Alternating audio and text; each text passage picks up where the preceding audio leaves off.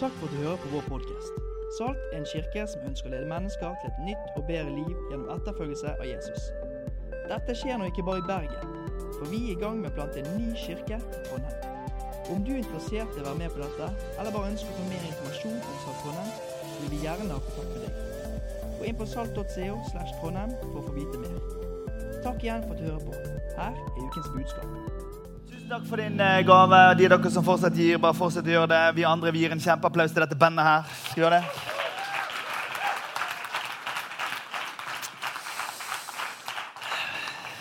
Veldig bra, Bjørnar. Bjørnar han, er- han er trommis, og eh, han er ansvarlig. da. Og han er veldig kul. Han har sånn hudfarget topp. Så jeg trodde han satt i ba- bar overkropp her bak. Det er veldig gøy. Men jeg, jeg så det på den der eh, Nei, jeg skal ikke si det jeg så. Men eh, jeg har eh, sett det før. Yes! Eh, vi, vi har nå en sånn serie som vi nå skal kjøre her i noen uker framover. Som vi har kalt Ord og tro på. Og grunnen til at vi skal ha den serien, det er det at eh, forkynnere i denne menigheten sier sånne ting som Sånn som det står i Bibelen at I Skriften står det at, og Bibelen sier at Og så spør vi oss sjøl jeg, jeg sier jo dette først og fremst til meg sjøl at er det sånn at alle da tenker at fordi det står i Bibelen, så må det være sant? Eh, Er det slik at de flestes oppfatning er at fordi vi siterer Bibelen, så det, står det fast? Greien er den at Bibelen har fått ganske mye juling i den kulturen vi lever i. Og den har blitt utsatt både for kritikk, mistenksomhet og eh, dårlig rykte. Noe som gjør at eh, Bibelens eh, eh, autoritet har blitt svekket blant folk. Og Derfor så trenger vi også å snakke sant om Bibelen som autoritet. Og så trenger vi også å snakke om den som, som sånn retningsgivende for, for livene våre. Og så trenger vi å øke den status og plassere den. Hva betyr den for noe i livene til oss som ønsker å følge Jesus nå for tiden? Og denne kirken her er en åpen kirke, og det betyr at det er masse folk som ikke tror så mye på Jesus. og Det er helt greit hvis du er her og, og liksom, det der er ikke så interessant for meg. Jeg lover det kommer til å bli interessant for deg. Fordi at det, det som handler om denne boken her, det er mer enn bare en bok blant bøker. Dette er en levende bok. Det er Guds eh, ord til oss, og vi skal prøve å øke verdien på den for deg. Og så skal vi prøve å gjøre den stadig mer aktuell for sånne folk som oss. Jeg har eh, forberedt meg ganske greit inn mot eh, denne gangen her. sånn som jeg som oftest gjør, for det synes jeg er viktig når man får bare noen minutter. De er så strenge med meg her. Du får bare 30 minutter. Jeg tar jo alltid litt mer. Men, men, jeg prøver også å også si ting eh, på en slik måte at det ikke blir et foredrag, eh, men at det blir forkynnelse. Men samtidig vil jeg at du skal vite at eh, jeg prøver ikke å bare bevise det som vi mener. Vi prøver å behandle med rettferdighet at det finnes ulike syn på denne boken. Og så skal vi argumentere det vi kan for at vi har et ganske bra syn, vi også. Grovt sett så er det tre ulike måter å se Bibelen på i vår norske og nordiske kontekster. Det første er det vi kaller for et evangelikalt, konservativt feilfrihetssyn. Det betyr at man tenker at det som står i bibelboka, det er sant. Fordi at Gud har inspirert boka på en slik måte at han på en overnaturlig måte har gitt oss sitt ord mellom de permene, og vi stoler på den i sin helhet. Det andre synet det er det vi kan kalle for et evangelikalt intensjonssyn. Der hvor hovedtanken i det Bibelen formidler, er meningen å formidles til leseren i dag, men at det fins noen komma og noen kolon og noen historier som nødvendigvis ikke stemmer eksakt, men hovedtanken bakom er viktig. Det tredje synet er et liberalt skriftsyn. Et liberalt skriftsyn sier at eh, Bibelen er menneskers ord om Gud, og da det beste dokumentet vi har til å prøve å forstå Gud. Og disse ulike bibelsynene dere, de påvirker jo selvfølgelig oss som leser den. Er dette noe Gud sier, eller hvor mye må jeg tolke, hvor mye må jeg tenke her? Og så er det andre igjen som, eh, som kommer ut med en, en, at, at, Guds ord er oppe til forhandling, og at vi må endre det med, den, med tidene som kommer. og den type ting. Og så Det du får ut i trosliv i enden, bestemmes jo av det skriftsynet du går inn i det med. Følger dere med på det? Så kan du ha det synet du ønsker her. og så skal ikke jeg bruke veldig mye tid i dag på å argumentere i definisjonene. Jeg vil heller henstille det til deg, som en eh, kollega av meg borte i Ørebro sier, ikke definisjonsspørsmålet som er viktigst, men holdningsspørsmålet. Hvilken holdning har vi til Skriften og Skriftens betydning for oss? Friedrich Schleiermacher, som er en kjent teolog, jobbet i Berlin. Han sa det. Vi tror ikke på Jesus fordi vi tror på Skriften. Vi tror på Skriften fordi vi tror på Jesus. Og det mener jeg det at Fordi vi i vårt hjerte er så grepet av Jesus, så har vi bestemt oss for at det er han vi tror på, det er han vi lever for. Så vi synger til han på gudstjenestene våre, og vi løfter hendene våre og vi ber til han. Vi tror at han lever, og fordi han lever og har sagt at han tror på Skriften, så tror vi også på Skriften. Matteus kapittel 5, vers 17 sier tro ikke at jeg er kommet for å oppheve loven eller profetene. Nei, jeg er kommet for å, ikke for å oppheve, men for å oppfylle. Et annet sted så sier Jesus i Johannes 10, 35, så sier han Skriften kan ikke settes ut av kraft. Jesus trodde på de som hadde skrevet før han kom. Nytestamentets forfattere trodde på Skriften. Kirkehistorien har støttet i sin helhet opp til nyere tid at det som står i denne boka, her, det kan vi sette vårt lit til, og det kan vi tro på. Bibelen har en fantastisk enhetlig budskap i seg som strekker seg over en enormt lang tidsperiode, men har ett budskap. Det er en, en, bok som er i særstilling i forhold til andre antikke bøker og støttes av arkeologiske funn. og Nå blir dette straks et foredrag, så derfor skal jeg slutte der og si til deg at denne boken her, dere, er det god grunn for å tenke at er Guds levende ord. Ikke bare i sin statiske forstand, slik den ligger der, men også i sin levende forstand når den blir Guds ord for oss og lever på en slik måte at den gir oss veiledning og rettledning i livene våre. Og så er jo det komisk at vi lever i en tid og i blant masse kristen forkynnelse, spesielt i den vestlige verden, som har så enormt mye energi til overs for å bruke på å så tvil om denne boken, når den selv egentlig aldri under noen omstendighet står tvil om seg selv så driver vi og fjaser om at vi skal tvile på han, mens egentlig kirkehistorien har sagt vi kan tro på han. Wayne Grudem sier det på denne måten. Ikke noe sted i Det gamle eller nye testamentet gir en skribent så mye som et hint om en tendens til å mistro eller regne som lite troverdig en del av Skriften. Hundrevis av tekster i denne boken oppmuntrer folk som oss til å tro på det, og det er ingen tekst som oppmuntrer til tvil eller mistillit til Bibelen. Hvorfor? Skal vi da sitte her og plukke den i stykker istedenfor å bygge opp tillit til den, sånn at Gud kan få tale for oss? Gjennom 1500 år, 40 forfattere på tre ulike språk, 66 bøker med ett budskap om Guds store fortelling. Og Det er når vi griper det, at Gud ønsker å formidle sin fortelling til oss mellom disse permene. Og når vi skjønner at dette er ikke bare et statisk ord, men et levende ord til oss, da skjønner vi at det blir ord å tro på.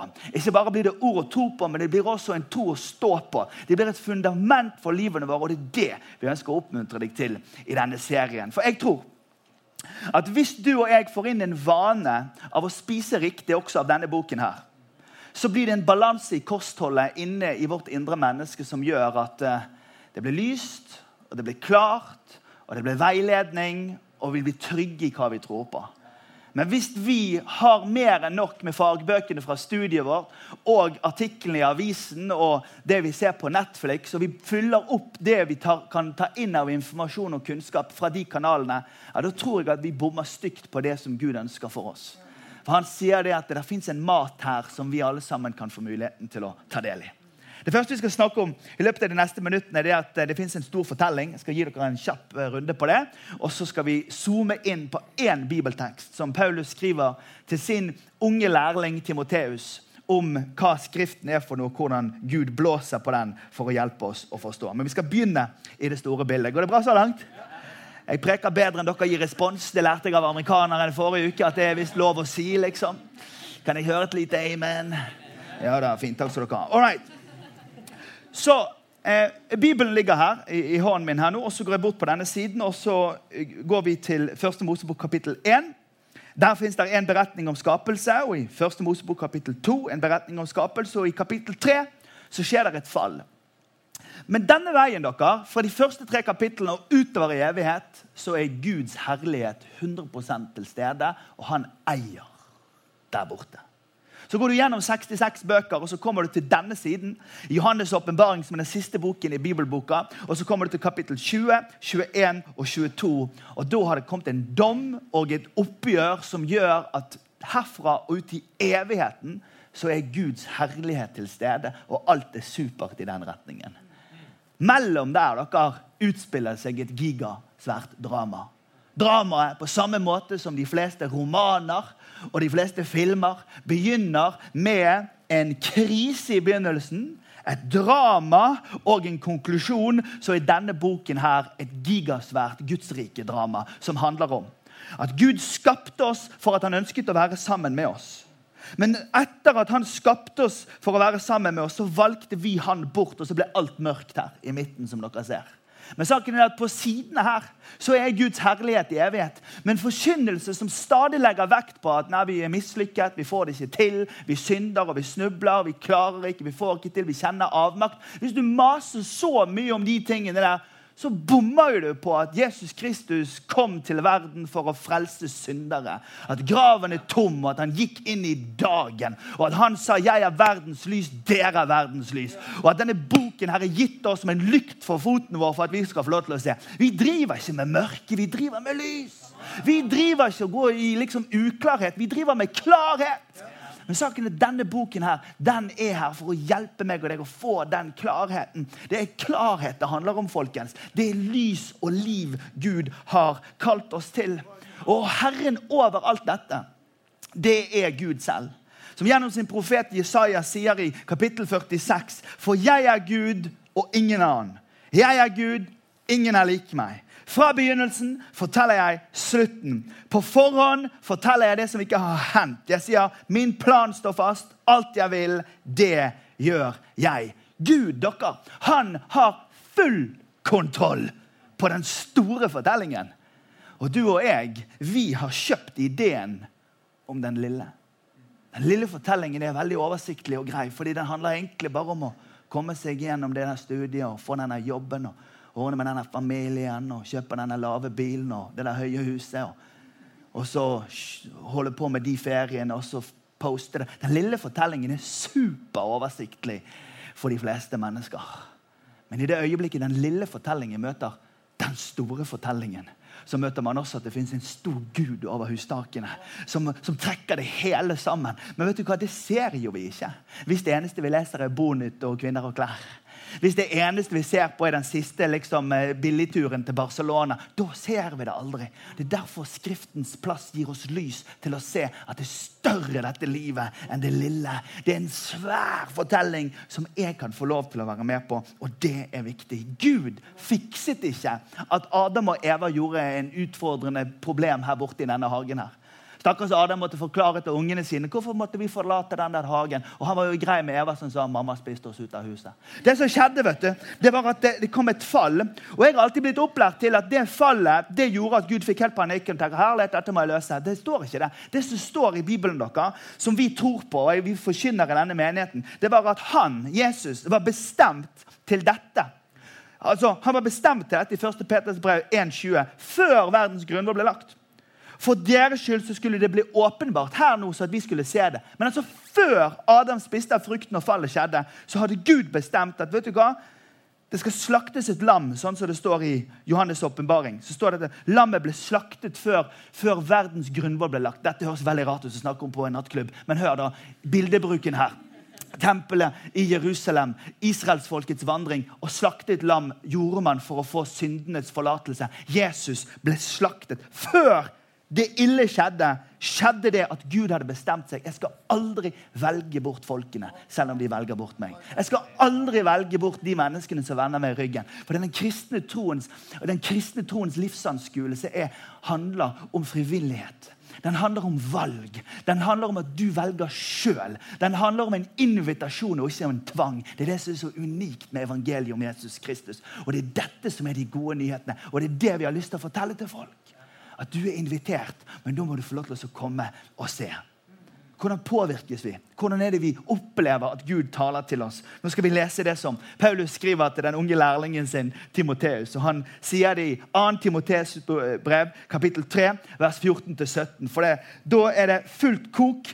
Timoteus er stresset. Folk ser på YouTube, de leser illustrert vitenskap, de hører på Anna Hawkins, de hører på filosofer fra Øst-Europa. De, de, finner artikler og de ser på National Geographic og de er opptatt av hvordan verden ble til. og Full forvirring. Og så sier Paulus til Timotius.: Men du skal holde fast på det som du har lært og er blitt overbevist om. Du vet jo hvem du har lært av. Helt fra du var et lite barn og gikk i barnekirken, har du kjent de hellige skriftene. De som kan gi deg visdom til frelse ved troen på Kristus Jesus. Hver bok i Skriften er innblåst av Gud og nyttig til opplæring, tilrettevisning, veiledning og oppdragelse i rettferd. Så det mennesket som tilhører Gud, kan være fullt ut rustet til all god gjerning. Og Nå snakker ikke Paulus om bibelboken sånn som den framstår her i dag. For Den fant ikke sin form før midten på 300-tallet.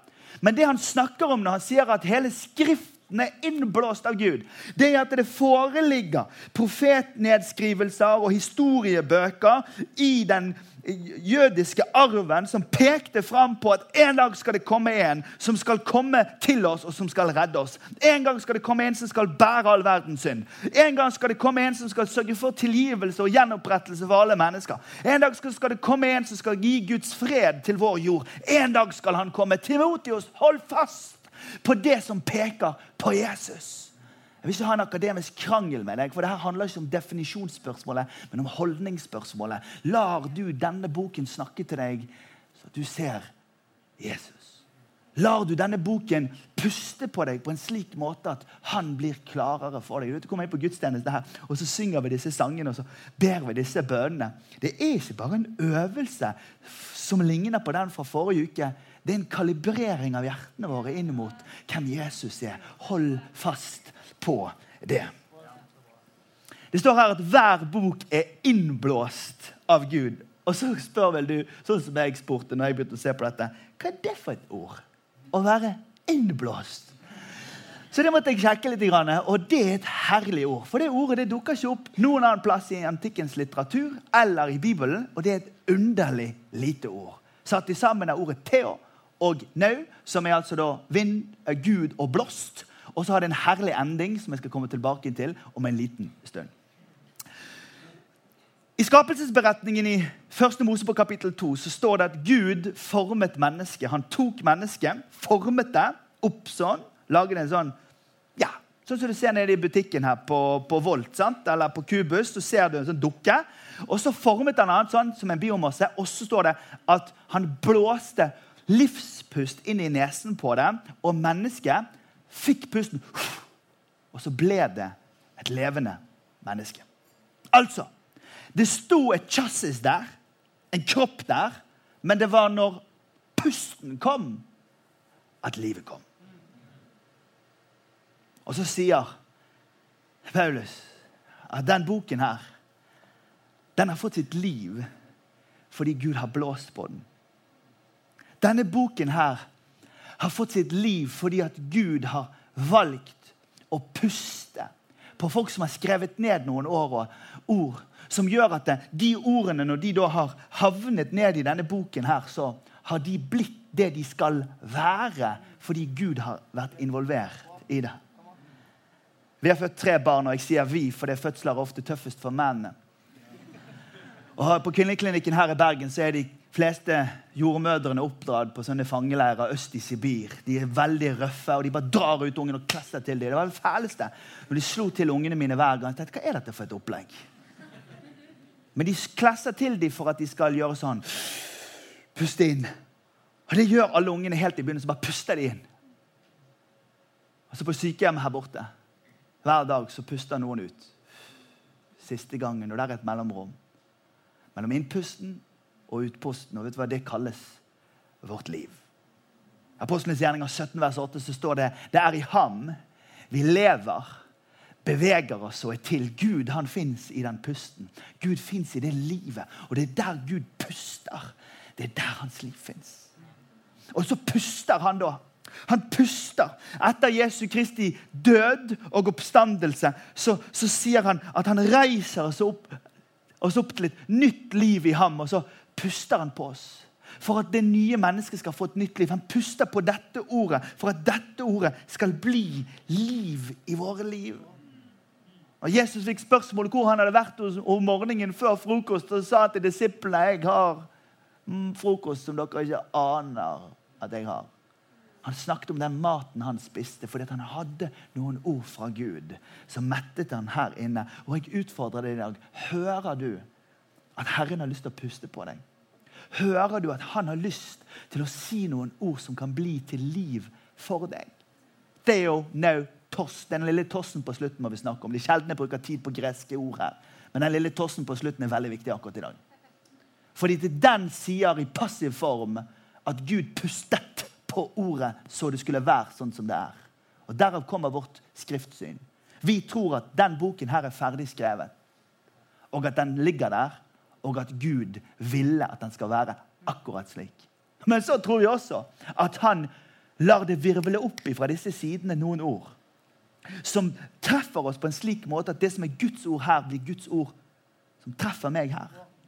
Men det er fordi det ligger der passivt. Men det aktiveres ved at Den hellige ånd blåser på oss. Hvordan ble disse ordene til, da? Første Peters brev, kapittel, unnskyld, 2. Peters brev, kapittel 1, vers 21 forteller oss. For aldri ble noen profeti båret fram fordi et menneske ville det. Men drevet av Den hellige ånd talte mennesker ord ifra Gud. Og dette er viktig. Det ble talt noen ord fra Gud i himmelen som noen mennesker fikk skrevet ned. Og Da er spørsmålet hvor nøyaktig var de når de skrev? For vi kjenner jo alle oss sjøl på rettskriving. Det er ikke alltid de doble konsonantene og kommaene sitter på det riktige stedet. Så da har du folk som sier det var verbal inspirasjon. Det var som om hvert komma og punktum Den hellige ånd satt og hvisket i øret på de som skrev.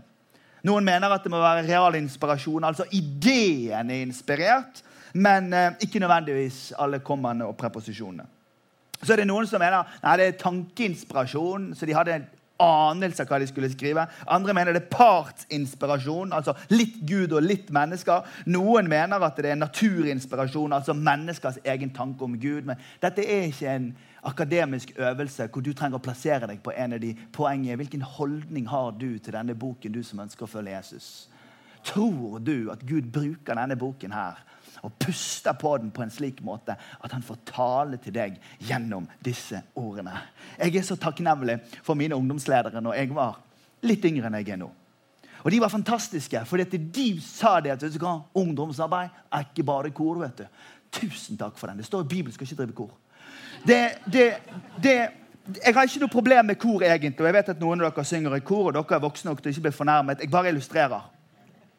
Hvis du reduserer det som skjer i den kristne kirke, til kor, speider, biljard og dartkonkurranse, leir og bare sang, så bommer du på å slippe løs villskapen i disse ordene på folk. For det er dette her som er lykta. Det er dette Gud puster på. Det er dette ordet som kan vri på tankene våre og få oss på rett på rett greie. Jeg elsker Hebreabrevet kapittel 4 vers 12. Et vers alle her burde pugge. For Der står det Guds ord det er levende og virkekraftig. Det er skarpere enn noe tveegget sverd. Det trenger igjennom, og det kløver sjel og ånd og marg og bein, og det dømmer hjertets tanker og planer. Det er så fantastisk med Guds ord. Det er det at ikke bare leser vi det, men det leser oss også. Jeg snakket med min, mitt eldste barn. Hun er bortreist om en forrige søndagskveld. og da var hun litt sånn, uh, og Så spurte jeg henne hvordan går det baby dagen etter. sånn, No problem, har bare avslørt noen løgntanker. I love that girl. Fordi at vi kan bli kaos i hjernen av og til. Men så slipper vi løs dette, og så blåser Gud. Og så kjenner vi vet du hva? Det er sant, det er feil. Det er falskt, det er rett. Det der burde jeg ikke tro på. Det der bare føleri. Følere faller alltid ifra. Det der er problemer. Det der skal jeg ikke holde på med. Og så får vi dømt liksom hva som skjer i hjertet. Det er en løgn. Den største løgnen jeg slåss med i ungdomsgenerasjonen etter landet, denne syke ideen om at vi skal følge hjertet vårt. Det er helt koko idiotisk. Driver og følger hjertet sitt. Et hjerte vil jo alt med det. Okay, jeg er forelsket i Astrid, og nei, jeg er forelsket i Karen. Jeg er forelsket i begge to. Jeg ikke glad i dem begge to. Ikke, det er bare øh, fjas. Hør da, Hjerter de vil masse tull. Tankene våre kan reise på tur og, og, svikte oss. Saken er den at Hjertet vårt er et svikefullt lite pumpeapparat. Men han som er herre, han kan få kontroll på det hjertet, som gjør at vi liksom kan få rett kurs på livene våre. Så ofte dere, så trenger jeg bare å jeg bare åpne opp den her, så bare pff, virvler det opp. og så bare, ah. Det er kraftig, det virker kraftig, det er skarpere enn noe tveget sverd. Og det dere, det er Guds ords levende kraft i våre liv. Til Timotius sier Paulus det er nyttig til opplæring, tilrettevisning, veiledning og oppdragelse i rettferd. La oss bare pakke ut det. Han sier Hold fast på boka. Det er pustet av Gud. Det er nyttig for disse tingene. Nummer én, det er nyttig for opplæring, altså undervisning. På tirsdag skal jeg i sånn debatt eh, etter en sånn skandale som har preget eh, mediebildet i Norge i 2017, om hvor man som kristne ledere kan noen ganger overdrive og legge unødvendig press på unge mennesker. Hvor eh, unge mennesker får utfordringer både med seg sjøl, sin personlighet og sitt gudsliv pga. undervisningen som en gir. Jeg skal være den første til å stå foran deg som en ansvarlig kristen leder i Norge og så si at dårlig undervisning skaper dårlige resultater. Og når vi får dårlige resultater, så må vi gå i oss sjøl og så må vi spørre sysler vi med den riktige opplæringen. her. Det dere, er et ansvar som den som er forkynner, prest, kateket, predikant, ungdomsleder, diakon, må ta ansvar for. Fordi at frukten det skaper, sier noe om hva det er vi forkynner. Og Det Paulus sier til Timotius, det er nå må du holde fast. For disse ordene de er nyttige for opplæring. For det andre så er de nyttige for tilrettevisning. Og det liker jo ikke nordmenn så veldig godt. Jeg kommer her og kommer her. Jeg blir jo kjempefornærmet. Du må ikke si noe til meg som er et ordskjeft. Nå har vi trent denne menigheten litt i forhold til det at vi skal tåle litt tilrettevisning, og det bør dere bare tåle. Så når jeg sier det der med hjertegreiene, så er ikke det fordi jeg synes at noen her har et veldig fælt hjerte. det er ikke mitt poeng. Men vi bare prøver å dunke hardt nok på sånne ideer som ikke er sanne. For de er ikke sanne, vet du. For det greiene den at, at vi tror på rare ting. Er du med? Vi tror på rare ting. Tilrettevisning er veldig bra. Jeg synes Det var så gøy med den serien 'Kjærlighet, eh, sex og varige relasjoner'. Det var jo noen som sluttet her i den perioden. Og sånn er det. Eh, den risikoen tar jeg. Eh, og jeg syns ikke det er gøy. Jeg synes det er skikkelig ubehagelig. Men det å tilrettevise gjennom Guds ord, det er en sunn ting. Når jeg prekte første gudstjenesten her i dag formiddag, så spør jeg medarbeiderne mine hva må jeg endre på, hva jeg bør si, hva jeg ikke si. Jeg har ingen problemer med å bli tilrettevist. Jeg øver mitt hjerte på å høre korreks og få hjelp til å kjøre riktig retning. Harald Haaland i menigheten vår, han er en av pilotene i menigheten. og Så sa de det var han som fløy meg til Stavanger på morgenen her på onsdag. Så sa jeg til henne flyvende, jeg kan ikke bare banke på og si hei til han. Ja, da, ja, skal du ned undervise? Hva skal du i dag? Nei, skal opp til, skal til London, skal frem og tilbake. Og det som, det som han egentlig gjør vet du, når han kjører flyet til Kjos, det er at han sitter der og retter kursen. Det er det han gjør. For vinden gjør sånn. Opp og ned og skyer og London og England og kurs og kurs. Alt er off course, men han bare retter det. Det er det Bibelen gjør. Bibelen kommer til vårt liv, og så puster Gud på oss. Og Så puster han Guds ord, så det blir Guds ord i oss. Og så retter han kursen for oss. Den er nyttig for tilrettevisning. Den er også nyttig for veiledning. Folk blir jo millionærer i Norge på å coache, veilede, være terapeuter og, og, og, og, psykologer og helsesøstre og lærere. Fordi vi har jo gjort fortellingen om livet så pikyrende liten at den handler jo om liksom å være maks tenåring og så være maks ungdom og så ha maks utdannelse og så få maks hytte og maks Barcelona-turer. Og Perspektivene er jo så korte at man tror det ender i, i en eller annen kirkegård borte veien her. Vi trenger jo få kontakt med den store store fortellingen. For det er jo den store fortellingen at vi får en stor Gud og en mindre oss. Jeg er så glad for at jeg slipper å være så himla svær sjøl, men han kan få lov til å være stor. Veiledning, dere.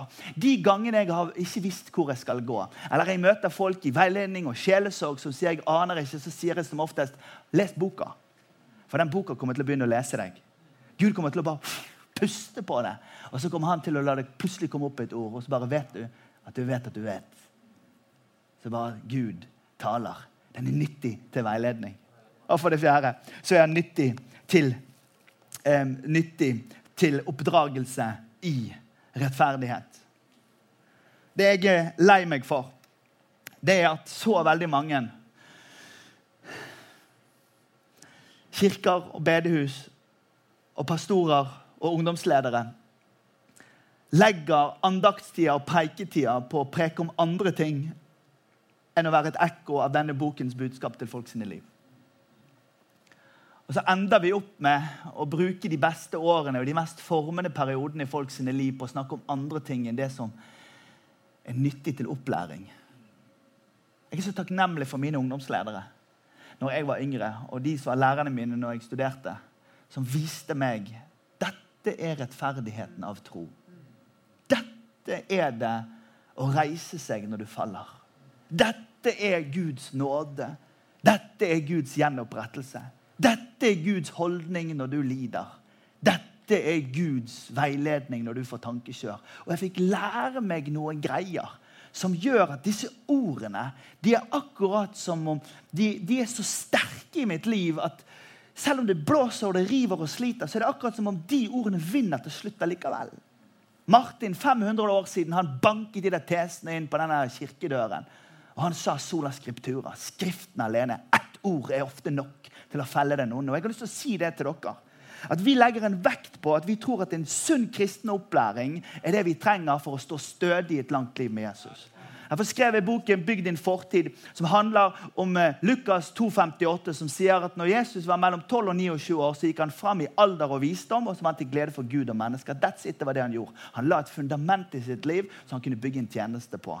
Og det er det Gud vil for oss også. Kjære venn, av alt du leser, av alt du pugger, av alt du ser på, gi noe tid til at Gud kan få blåse på deg. La Gud få lov til å ta deg avside, sette deg opp og blåse i deg på en slik måte at du og ditt indre menneske får liv og kraft. Hvorfor alt dette? Jo, Vers 17 forteller oss så at det mennesket som tilhører Gud, kan være fullt utrustet til all god gjerning. Hensikten med innsikten er at vi skal få lov til å bli reist opp til å tjene Jesus. 32% av den unge generasjonen i dette landet tar noe høyere utdanning. Og alt er ikke høyere utdanning. Ære være enhver hjelpepleier, SFO-medarbeider, enhver asfaltlegger og enhver fagarbeider. I'm serious. Ære være enhver sykepleier og enhver ingeniør enhver doktor, enhver tannlege, ære være enhver psykolog og psykiater. Det er fantastisk å få lov til å bo i et lite land med så høy kompetanse. Men ikke bli for høy på deg sjøl fordi om du har høy kompetanse. For spørsmålet er egentlig ikke hvor høyt på rangstigen du klatrer på den jobben din. Spørsmålet er hvilken type sykepleier er du?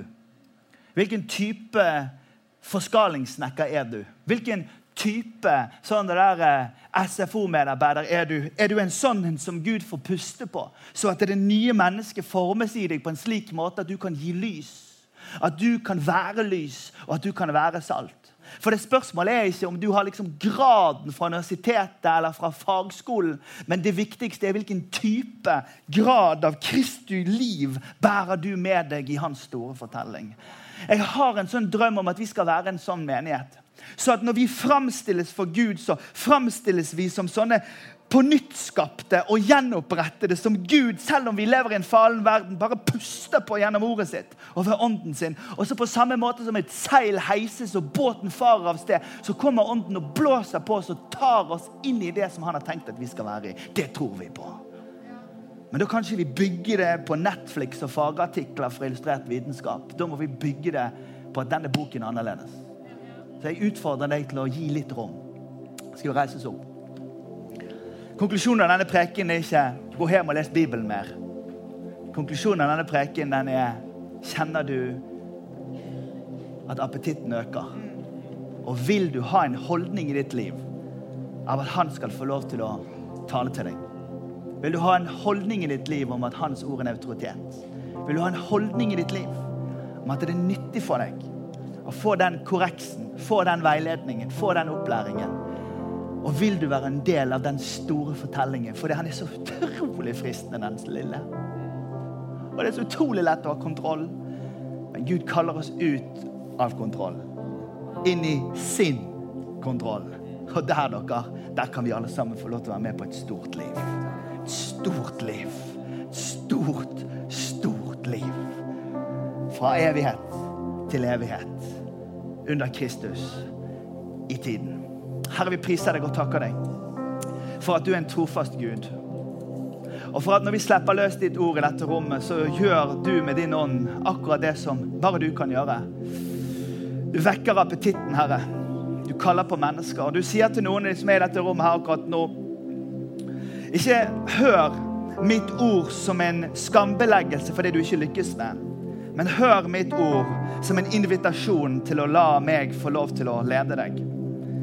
Hør mitt ord ikke som en avkrysning over det du ikke fikk til før, men som en mulighet for en fremtid som åpner seg opp med helt nye muligheter for deg. Og De av dere som kjenner liksom, nei, jeg får ikke til denne bibellesningen, jeg skammer meg nå. Akkurat nå så bare tar vi den tanken til fange under lydigheten til Kristus. For vi er ikke her for å kjenne på noen eller gi folk dårlig samvittighet. Det er ikke det dette handler om. Dette handler om at i dag begynner resten av ditt liv. Dette handler om at i dag åpner seg opp en nytt lys og en ny framtid. Og Herrens ånd puster akkurat nå. Han puster på deg for å reise deg opp. For å reise deg opp til Jesus' etterfølgelse i ditt liv. Takk, Jesus. Takk, Jesus.